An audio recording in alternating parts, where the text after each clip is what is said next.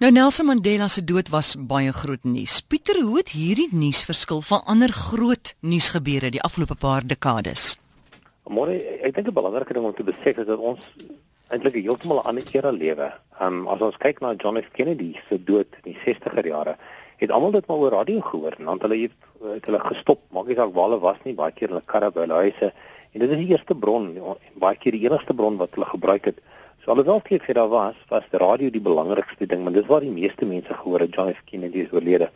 Toe ek ehm um, dit is seker al 'n goeie 12, 13 jaar gelede wat die uh, vliegtye in New York vasgevlieg het in 911 ons ons generasie se se tragedies. Mm. Die meeste van ons het op CNN of op TV gesien. Die meeste mense het gesê sit die TV aan, jy gaan onmiddellik daar kry. Ek dink as daar in die laaste dekade iemand oorlede was, het baie mense dit eers op Twitter gesien. Maar ons sien omdat mense nou hierdie boodskap uh, apps gebruik het baie baie mense dit op WhatsApp gekry. Hulle het 'n boodskap of SMS by iemand gekry en jy het die heel eerste nuus wat jy gekry het, het jy van 'n ander persoon gekry. Nou die, die groot nuus hier is dat tradisioneel het jy dus die nuus by gevestigde nuuskanale gekry. Maar ek dink hier rond as jy vir die meeste mense vra, was die sosiale media of die ehm um, aanstuk wat in jou hand het, het iemand persoonlik aan jou dit deurgestuur en ek dink die eerste keer wat jy gehoor het van Mandela se gaan was dit op jou selfoon of via elektroniese media. En daarom sien ons 'n verheelde verandering in hoe ons veral kritiese en belangrike nuus aan ander mense oordra. En ek dink dis die groot verskil in terme van hierdie nuus van hierdie van hierdie groot uh, of of die swaar nuus wat jy kan oordra begin al hoe meer en meer via elektroniese kanale geskied. Waar het jy dit eers keer gehoor?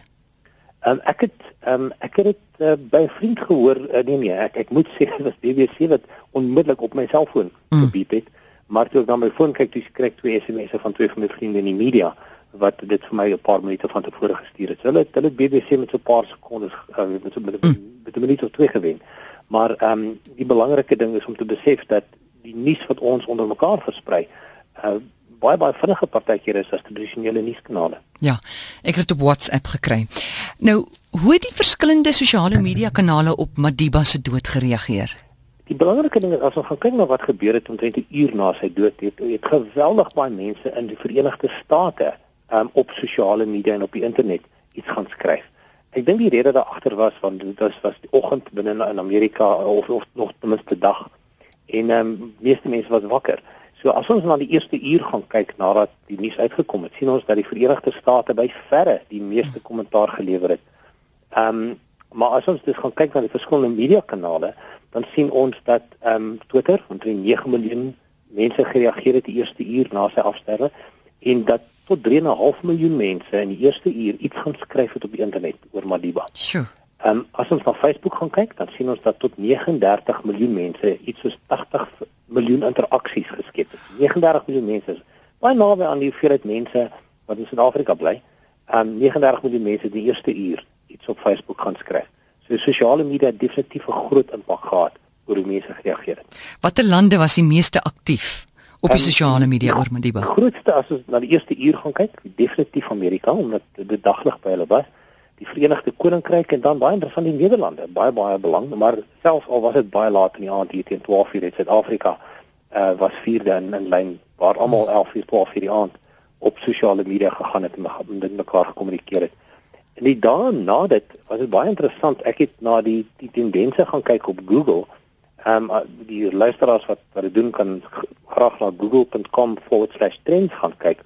En daar kan jy kyk hoeveel kere die soekterm gebruik is ook waar in die wêreld mense dit ingetik het. En ons sien dat die vier Suid-Afrikaanse stede, e-, eintlik Johannesburg, Sandton, Kaapstad en Pretoria, die grootste soektogte op Google gehad het. Baie interessant dan is Londen, maar die vyfde grootste stad is Bogota in Kolumbia. So dit lyk my of Bogota in Kolumbia as 'n stad, ehm um, die die die stad was wat die meeste soektogte gehad het in toe Dublin. Maar dan sien ons ook alhoewel dit nie ste op stede gefokus nie, geweldige belangstelling uit Afrika uit. So dit lyk asof die hele Afrika uh, baie baie soektogte gedoen het op die tradisionele media. So ons kyk na Suid-Afrika, Guinea, Malawi, Angola, Zimbabwe wat dit ingetik het op die tradisionele Google soektog engine. So ons praat nie soseer van uh, sosiale media soos Twitter en Facebook nie, maar iemand wat dit ingetik het op 'n op 'n soektog engine. En daar is Afrika baie baie sterk. Daar in die eerste 10 spasies is daar nie een ander land uh, buite Afrika nie. En dan sien ons die Nederlande, natuurlik Suid-Amerika uh, wat baie belang gestel het daarin. Nou wat kan ons leer vanuit die gebruik van sosiale media rakende die nalatenskap van 'n wêreldikoon? As ons byvoorbeeld gaan kyk na die groot ikone van die laaste eeu, Charles de Gaulle, uh, Winston Churchill, dan is daar baie beperkte media wat ons baie keer van hulle het. Ek dink Nelson Mandela het geweldig baie media wat wat vasgevang is in sy lewenstyd. Maar wat ook interessant is, is dat hoe hierdie media gedeel word op die internet en op sosiale media. Baie interessant is dat almal van ons nou die vermoë het om te kan kommentaar lewer. Wat 10, 15 jaar terug het die tradisionele nuusmedia die kommentaar gelewer, maar nou kan enige iemand skryf wat hy wil oor uh, 'n uh, persoon en jy gaan positiewe en negatiewe kommentaar kry. Ek dink die belangrike ding is om te meet is om te sê wat is die persentasie positiewe kommentaar, wat is die persentasie negatiewe kommentaar? Maar ons sien wel dat deursigtigheid deel geword het van ons omgewing. Jy weet as daar mense is met negatiewe kommentaar dan gaan hulle dit skryf. En ons sien dat dit jy nie net een tipe ehm um, nuus het wat oorkom nie, maar omdat almal deel vorm van die nuus, het almal 'n opinie. En ek dink dit gee 'n baie meer eerlike uh, weer weergawe van wat gebeur as jy net na tradisionele media sou kyk.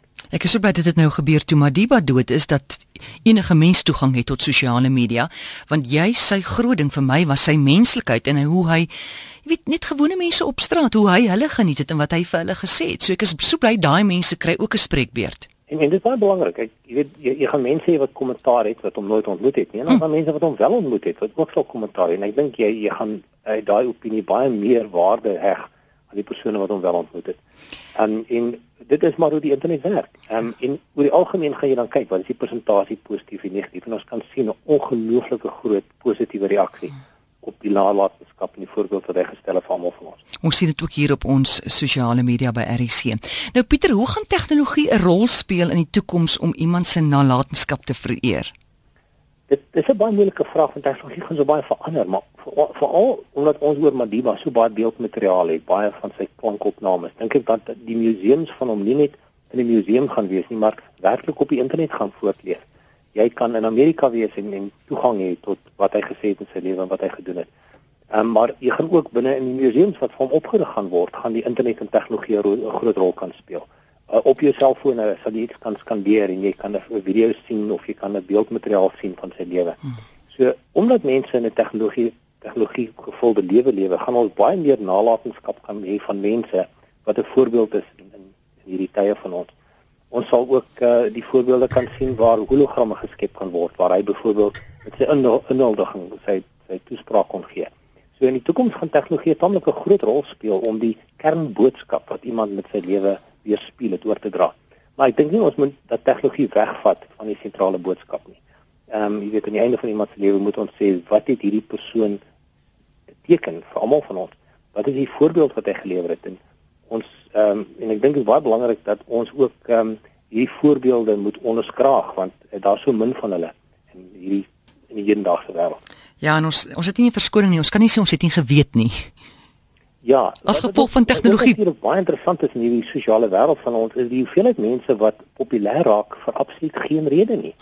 ek gaan 'n paar van die mense in Amerika gaan kyk en dis bekende name wat binne in ons tydskrifte na vore tree en ek wonder myself wat het hierdie persone bygepraat tot die wêreld dat jy uh, jou naam op hulle naam op jou lippe moet hê en dit is baie baie jammer dat ehm um, in 'n in 'n wêreld mense populêr moet word vir geen rede nie en ek ek dink ons in Suid-Afrika moet baie trots wees dat ons ehm um, ligdraer gehad het wat ehm um, populêr was oor sy menslikheid en die vergifnis en die boodskap wat hy uitgedra het eerder as om uh, die feit dat hy populêr was. Ja, en ek dink in die toekoms moet jy die koring van die kaf kan skyn, hè?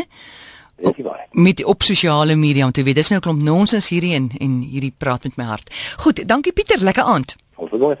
Is Pieter Geldnys toekomskundige en hy's 'n buitengewone dosent in die tegnologie strategie by die PIK kampus.